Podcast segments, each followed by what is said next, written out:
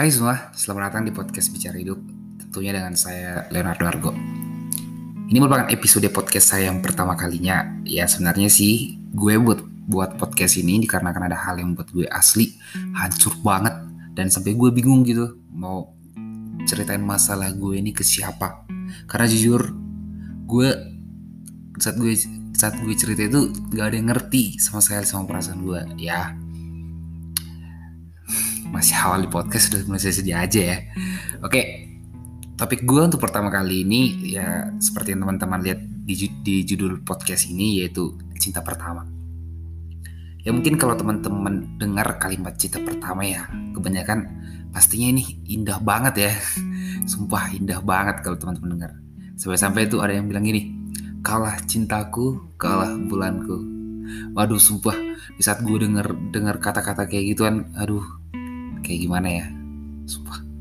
Ya cuman gue berharap sih teman-teman yang lagi ngerasain cinta pertama semoga langgeng ya. Dan kalau bisa sampai ke pelaminan amin. Nah gue sebelum mulai gue ke ke maksud dari podcast ini sebelumnya gue mulai dengan cerita sedikit dulu ya tentang cinta pertama gue. Nah tapi bukan bukan berarti karena gue mau cerita ini bukan berarti gue mau curhat ya. Tapi gue pengen aja teman-teman dapat ilmu dari pengalaman gue nih nah waktu gue pertama kali niat dan pengen tuh pacaran gue tuh pernah mikir gini ini cinta pertama gue. Ya kalau kata orang-orang sih cinta pertama itu sumpah so sweet banget. Dan sumpah itu cinta pertama kayak lo di fase bucin-bucinnya. Nah mendengar kata-kata teman gue yang begitu sumpah gue percaya akan hal itu. Dan sumpah gue kayak semangat banget untuk penjalanan cinta pertama gue. Nah sebenarnya sih kisah gue itu dimulai dari semenjak gue balik dari Semarang ke kampung. Ya gue balik sih karena kuliah gue lagi daring karena ya, pandemi COVID-19 saat ini. Dan juga ya, gue kebetulan merupakan salah satu mahasiswa dari perguruan tinggi negeri di Semarang. Nah setelah gue touchdown nih di Samosir. Terus gue iso isolasi dulu dong selama dua minggu. Dan karena kebetulan jiwa gue adalah jiwa-jiwa nongkrong. Nah setelah dua minggu gue isolasi langsung tuh cus telepon teman-teman yang ada di kampung gue untuk nongkrong. Ngajak nongkrong hei pak di mana guys? Gitu gitulah istilahnya. Nah malamnya tuh langsung deh gue nongkrong sama teman-teman gue nah cerita cinta pertama gue itu dimulai dari sini. Pada waktu gue nongkrong nih bareng teman-teman tiba-tiba nih lewat cewek. Dan gue mikir kayak gue kenal nih cewek kayaknya. Dan setelah gue flashback nah gue inget nih cewek ini kan pernah gue incar dulu nih. Istilahnya gue waktu SMP tuh gue pernah lirik-lirik dia kayak wow cantik banget nih cewek. Nih buset itu sih parah banget sumpah. Dia dan dia tuh tiba-tiba join ke meja gue dan sumpah gue saat dia join duduk tuh aduh sumpah jantungan banget. Nah sebagai laki-laki nih gue beraniin dong diri gue buat ngomong duluan ke dia. Ya sekedar cara-cara doang sih dan bahas-bahas masa kuliah mas, bahas masalah kuliah. Karena kebetulan dia juga lagi kuliah lagi mau skripsian gitu. Nah mulai dari situ gue mulai dekat nih ke dia. Mulai jalin mulai sering nih jalan bareng berdua keliling-keliling kota Pangururan berdua malam-malam. Dan tiba-tiba dan tiba nih pada akhirnya gue nyatain perasaan ke dia. Dan you know gue diterima dong sumpah. Gue tuh senang banget di situ. Sampai-sampai gue mikir gini nih akhirnya cinta pertama gue itu terjadi juga. Dan juga gue mulai nih berimajinasi dengan kata-kata teman gue yang tadi yang tentang indahnya cinta pertama ini. Buset halusinasi mulai ya hubungan pacaran kami sih di awalnya memang sumpah bucin banget lah. Parah banget gue dulu bucinnya. Dan orang juga gak nyangka sebenarnya kalau gue bakal pacaran sama Dini. Sorry nih gue di, di cerita ini gue nggak bakal sebut namanya. Ntar kalau dia dengar nih podcastnya yang ada ntar jadi masalah lagi yang ada. Oke gue lanjut. Dari gue sih yang namanya pacar ya sudah pastinya nih. Uh, kita itu pasti dong mengasih hati kita 100% ke pacar kita. Ya, ya gue normalnya begitu kalau orang pacaran ya. Nah, gue mulai nih di saat itu gue mulai ngasih hati gue 100% ke dia sampai-sampai gue itu jadi dia sebagai prioritas utama gue saat gue pacaran nah bodohnya gue gue tuh percaya banget nih sama si cewek dan gue percaya banget sama dia kalau dia tuh benar-benar sayang banget sama gue di awal pacaran sebenarnya udah mulai nih muncul gerak-gerik aneh dari dia sebenarnya. Ya gue tahu itu karena sumpah dia tuh nggak mau kalau waktu sebenarnya gue tahu gerak-gerik anehnya itu dari awal gue tuh coba nih pinjam handphonenya dan dia itu nggak mau. Kalau HP-nya itu gue pegang. Ya sebenarnya sih nggak hak gue sih sebenarnya itu megang HP dia. It, ya itu privasi kan. Ya cuman di saat gue lihat dia buka WA terus kayak ngebalas chat orang kayak gimana ya kayak dia tuh mulai nutupin dari gue kayak ada yang ditutupin gitu lah. Sumpah di situ gue kayak mulai negatif thinking lah ke dia. Nah setelah gue selidiki ternyata si cewek ini baru mau jujur ke gue.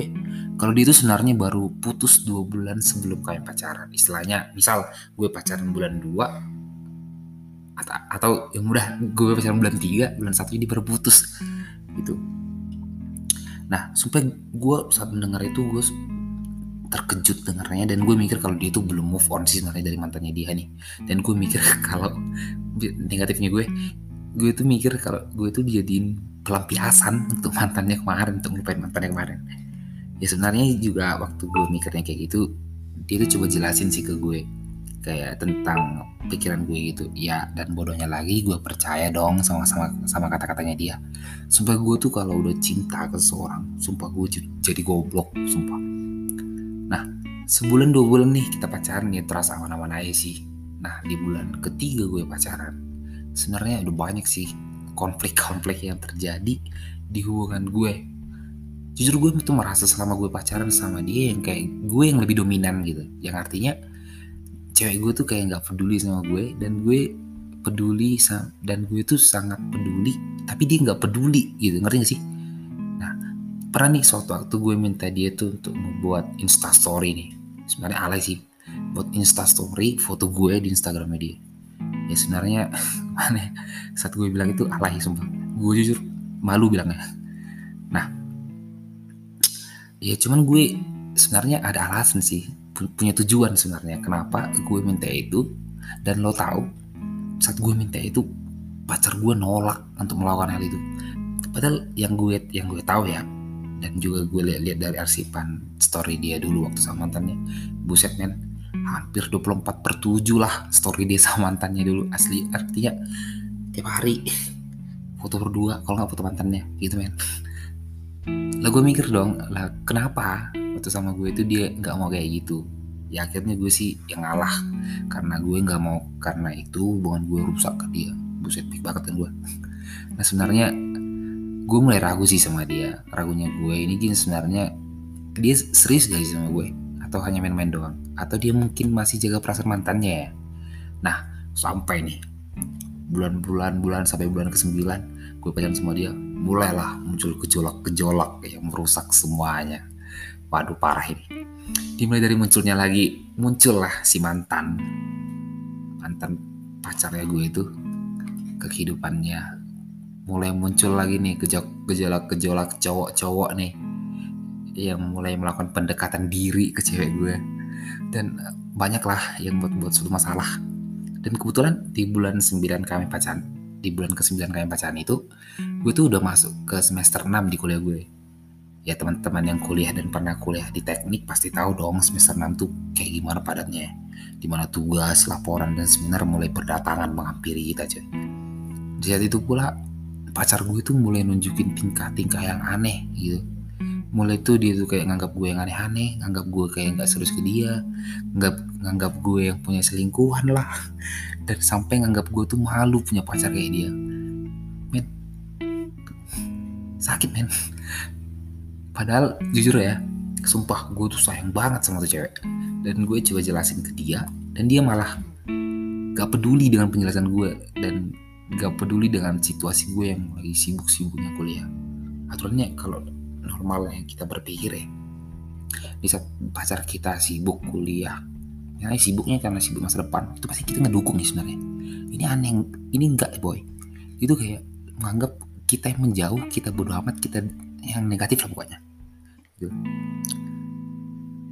akhirnya setelah berbagai penjelasan masuk dan dia juga nggak menerima penjelasan gue hubungan kami pun selesai.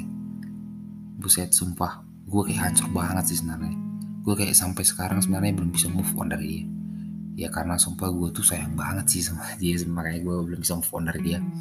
Nah waktu udah putus nih waktu gue lagi gabut banget di rumah gue buka nih. Gue coba-coba buka buka Instagram dan gue lihat story mantan gue nih si cewek gue itu.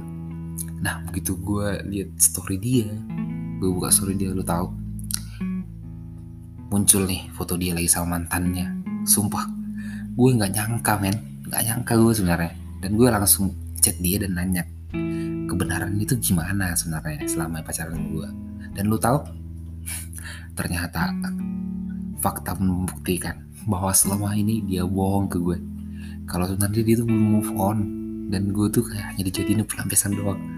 Sumpah gue jadi sad boy asli gue kayak ngerasa panas banget dan emosi banget sama dia. Dan bu tapi gue udah tahu gue panas gue emosi tapi gue tuh tetap bodoh. Di saat di saat dia tuh udah buat gue hancur banget gue tetap gue malah tetap peduli sama dia dan gue tetap sayang banget sama dia.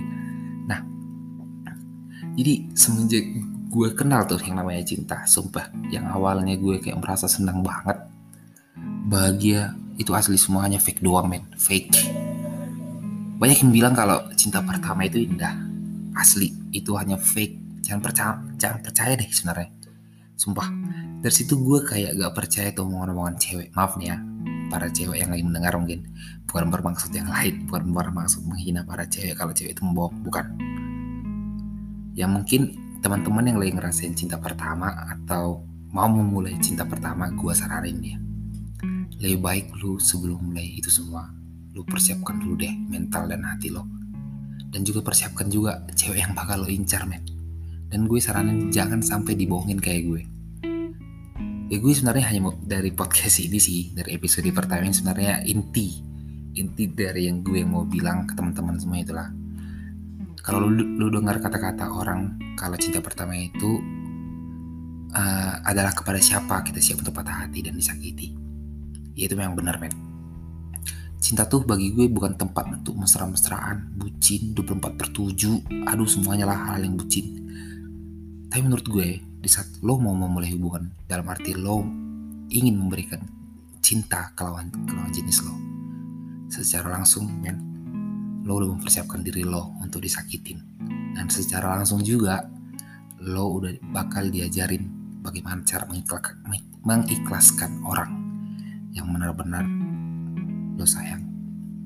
Jadi sebelum hal-hal yang menyedihkan menghampiri lo di saat lo mau menjalin pac menjalin pacaran untuk yang pertama kalinya pastiin dulu kalau diri lo tuh udah benar-benar siap untuk menerima semua risiko yang bakal nyakitin lo. Karena gini sob, hal yang paling buat lo sakit hati itu sebenarnya ekspektasi. Ekspektasi lo sebenarnya yang buat jujur di saat gue dulu di awal ngejalanin hubungan hubungan gue dengan cewek gue tadi jujur ekspektasi gue itu tinggi banget men. Dan ternyata gue hancur karena ekspektasi gue men. Jadi intinya gini semakin tinggi ekspektasi lo maka resiko patah hati lo akan semakin besar. Dan mulai sekarang nih buat teman-teman yang lagi ngejalanin hubungan atau mau menjalin hubungan khususnya yang mau memulai cinta pertamanya saran gue jangan memiliki tingkat ekspektasi yang tinggi deh sama pacar lo.